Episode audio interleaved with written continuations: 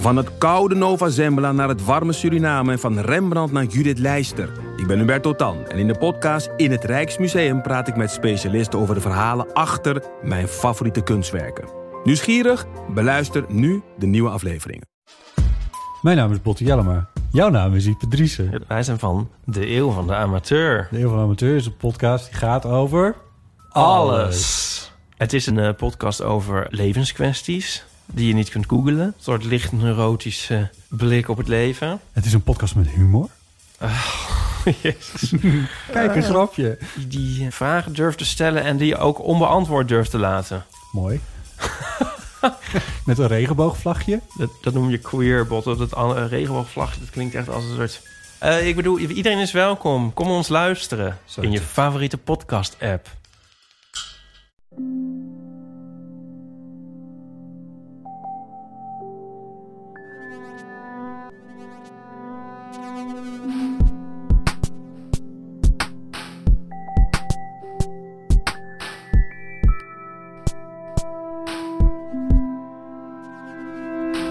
Dit is Relaas, waarin iemand een verhaal vertelt over iets dat hij zelf heeft meegemaakt. En vandaag hebben we een verhaal over niet goed weten waar je echt thuis hoort. En dat is volgens mij wel iets vrij universeels. Vele mensen twijfelen of ze wel op de juiste plaats zitten, want aan de andere kant ziet het er altijd net iets spannender of net iets aantrekkelijker uit. Marije die had iets gelijkaardigs. Zij kon niet kiezen tussen enerzijds de traagheid van het platteland en anderzijds de drukte van de stad.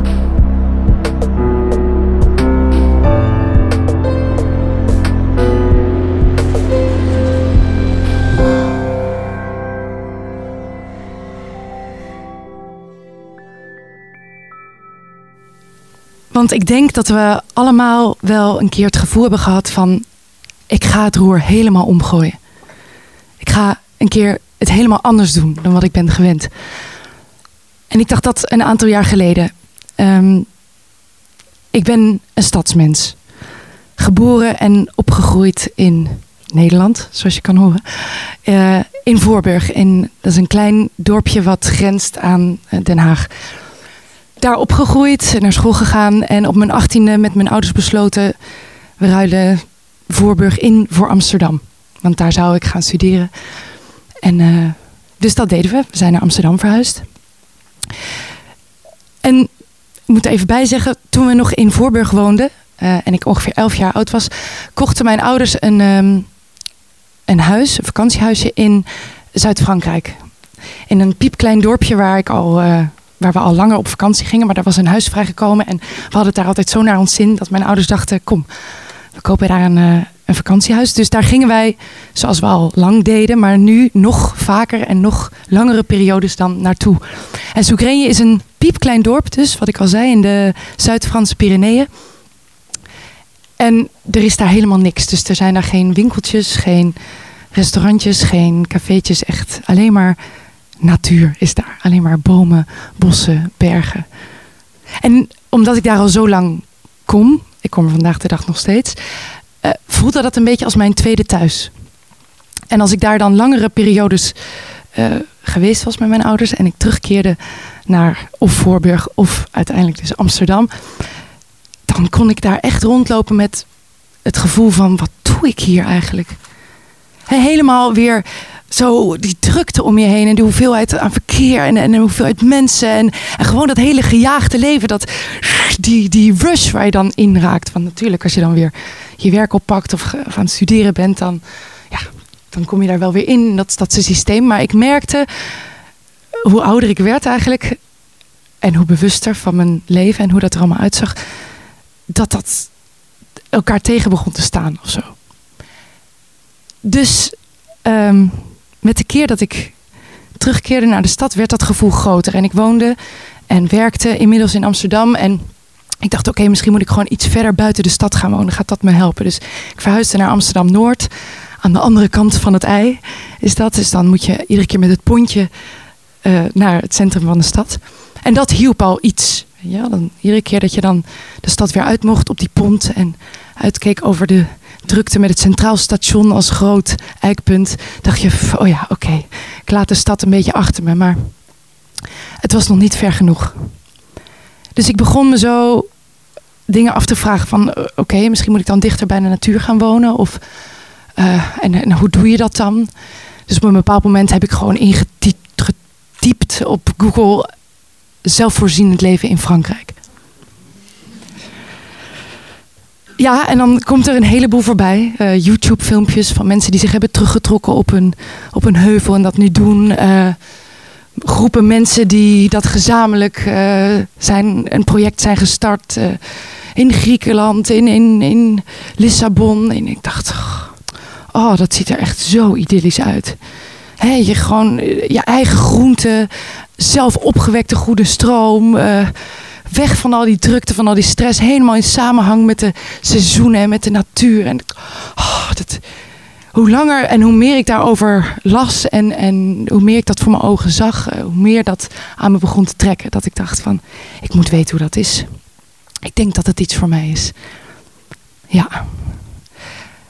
Dus op een bepaald moment werd die drang maar groter en groter. En ik dacht, ik ga dat gewoon doen. Ik moet er gewoon een soort onderzoek beginnen naar welke vorm van alles wat ik om me heen zie er dan bij mij past. Dus eh, ja, je wacht een beetje op dat moment. Je loopt het een beetje uit te stellen. En op een bepaald moment eh, gaat je relatie uit. En eh, zit je weer ergens op een kamer, ergens in Amsterdam. En dan denk je, oké, misschien is dit het moment. Misschien moet ik nu gewoon mijn bus pakken en gaan rijden en kijken wat er nog meer kan. Want anders doe ik het misschien nooit meer. Je, wordt wel ouder en ouder en dat, dat leven wordt ook serieuzer en serieuzer. En ik dacht, ja, help, straks heb ik kinderen en dan, dan, dan, dan zit ik hier in die stad en dan breng ik ze voordat ik het weet naar de crash. En dan ah, heb ik een leven wat ik misschien helemaal niet wil. Dus ik dacht, ik, oké, ik ga dat doen. En als het zomer is, dan wordt er wat minder theater gemaakt, wat mijn eh, beroep is. En dan, eh, toen dacht ik, oké, dan is dit het moment. Dus ik ben in mijn bus gestapt, die ik toen al had, met een bed erin, een soort klein campertje. En ik ben vertrokken.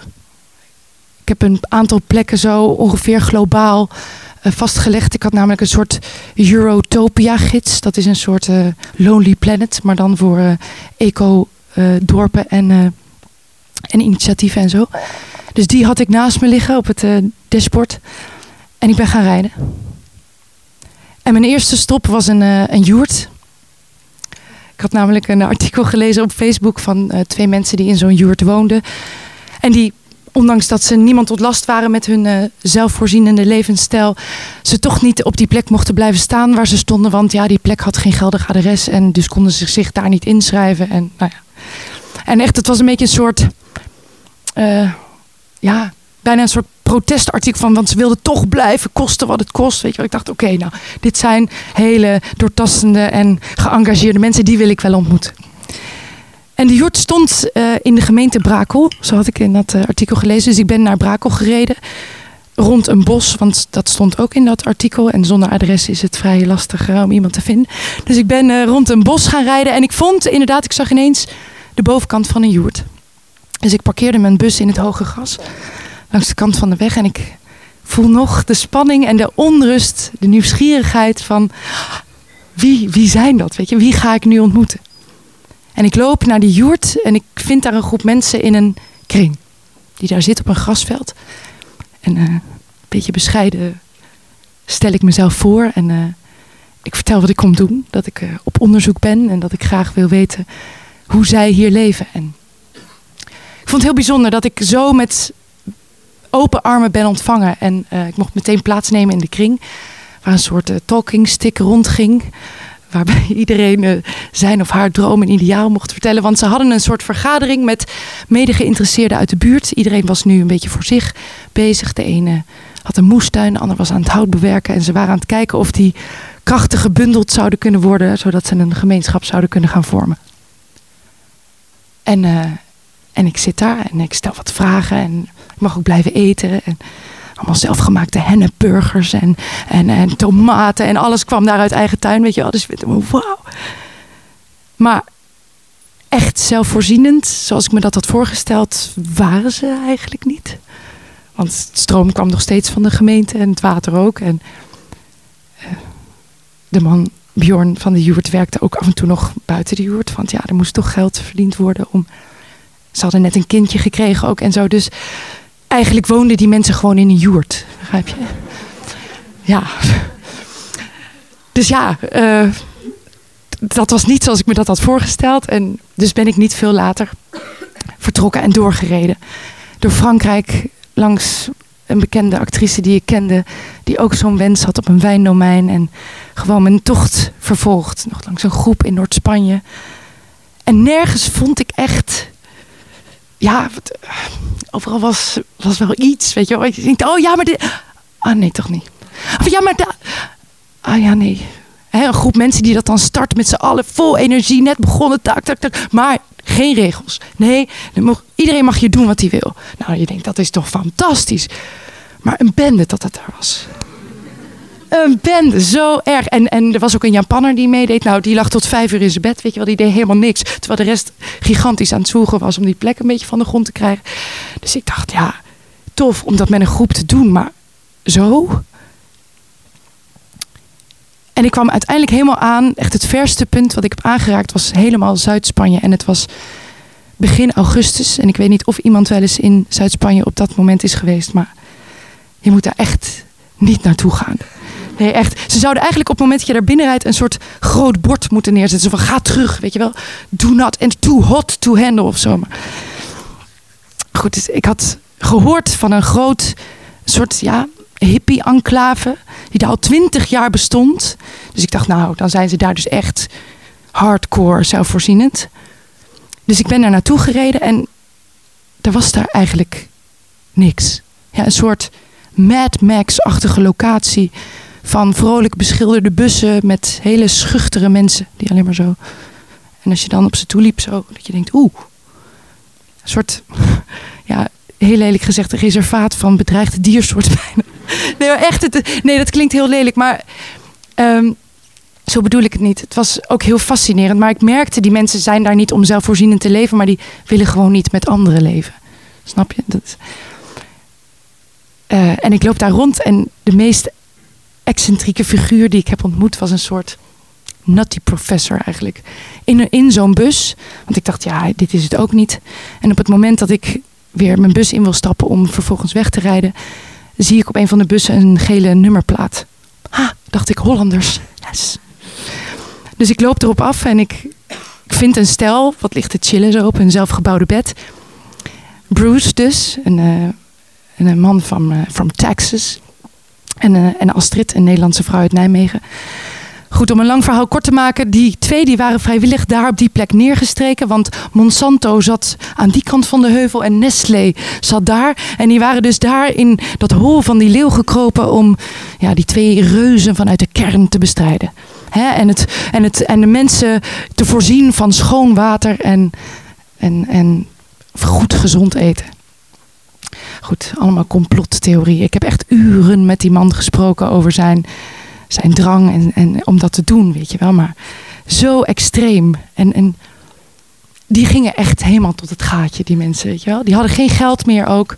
Geen contact meer met familie en vrienden. Gaven zich periodes over aan starvation. Wat hij dan zei, weet je, echt jezelf uithongeren om je voor te bereiden op honger en zo. Dus ik heb daar echt zo al die verhalen zitten aanhoren. En je denkt, misschien ben ik op zoek naar iets wat niet bestaat of zo, weet je wel. Dat kan ook, maar en natuurlijk rij je als je dan zo helemaal Europa doorkruist, bijna allemaal grootste steden voorbij. Ook Barcelona, Valencia en Lissabon ook. En ik heb ze een beetje geprobeerd zo links te laten liggen. Maar ja, als je dan Lissabon op de borden boven de grote weg ziet, dat je denkt, ja, het is wel een hoofdstad. Hè? Je bent er nou toch, dan kan je net zo goed toch eventjes korte citytrip in dit onderzoek. Hè? Dus ik ben Lissabon gaan bekijken. En ik weet het nog zo goed. Ik zit in mijn bus. En ik rijd dat centrum in. En je voelt dan alweer hoe die, ja, hoe die energie je tegemoet komt bijna. En ik stap uit en ik begin rond te lopen. En ik wilde het echt niet. Maar die stad deed me zoveel goed. Eigenlijk. Ik, ik merkte dat ik me gewoon ineens weer thuis voelde.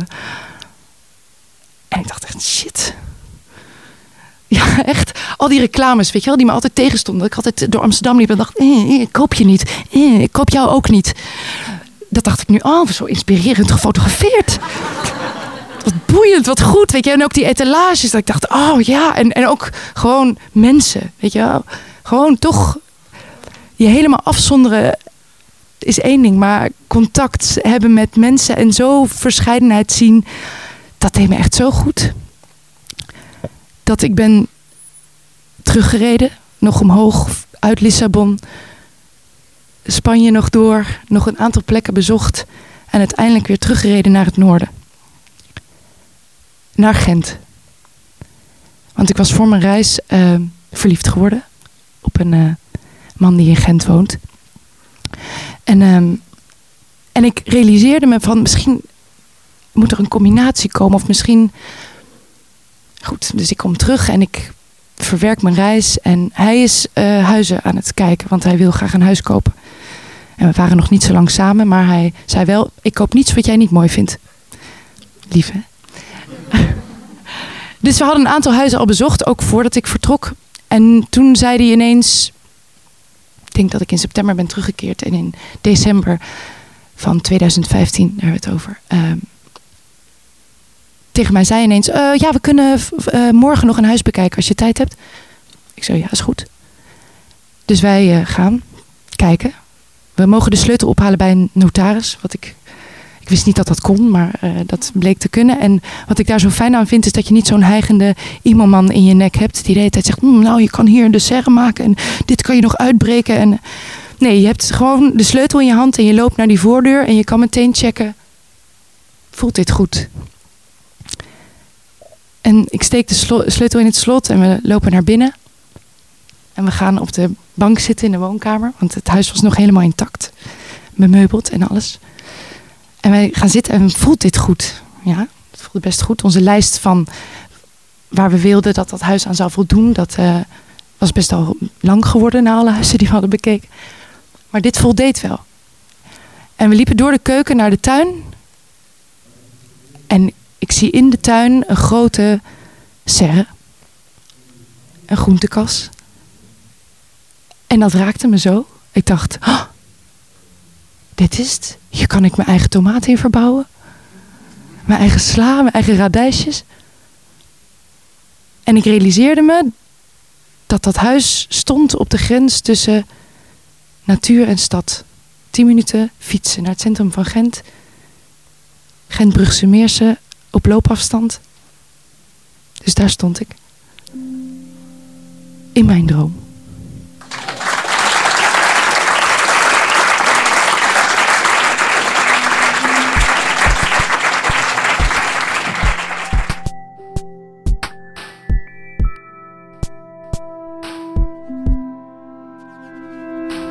Dat was het relaas van Marije. Ze vertelde het op het podcastfestival. Het was in december van 2017 in Gent. Meer dan 25 podcasts kwamen daar samen. 800 man publiek. Ik vond dat fenomenaal. Een nerdfest voor podcastliefhebbers. En onze podcast mocht daartussen staan. Dat was echt tof. Wij zaten in een heel klein zaaltje onderaan in de bibliotheek. Uh, dat is een soort kleine rotonde. Normaal gezien niet meer dan 30, 40 mensen om het wat comfortabel te houden. Wel, uh, wij hebben er 75 in gestampt. Marije die trok grote ogen, maar het is allemaal gelukt en het was heel, heel intiem en spannend en ook wel een beetje warm. Relaas, dat is een productie van Na Onze Zondvloed. Wij geloven dat je mensen pas echt leert kennen als je hun verhalen hebt gehoord. Dit relaas werd gemaakt door een hele groep mensen. Egwin Gontier, Dieter van Huffel, Stefan Gruijaert, Charlotte Huigen, Timon van de Voorde, Valence Matheuze, Steve Konar, Evita Nocent, Philip Cox, Marilyn Michels, Sarah de Smet, Katlijn de Vries, Anneleen Schelstraten, Sarah de Moor, Ruby Bernabeu Plaus, Sarah Latré en ikzelf ben Pieter Blomme. Ik heb nog twee dingen te zeggen. Als je zelf een verhaal hebt, dan mag je ons dat laten weten. Je moet het eigenlijk ons laten weten. Wij spreken dan met jou af en we zetten jou samen met een van onze verhalencoaches en samen maken we er iets moois van. we begeleiden je tot je klaar bent om op dat podium te geraken.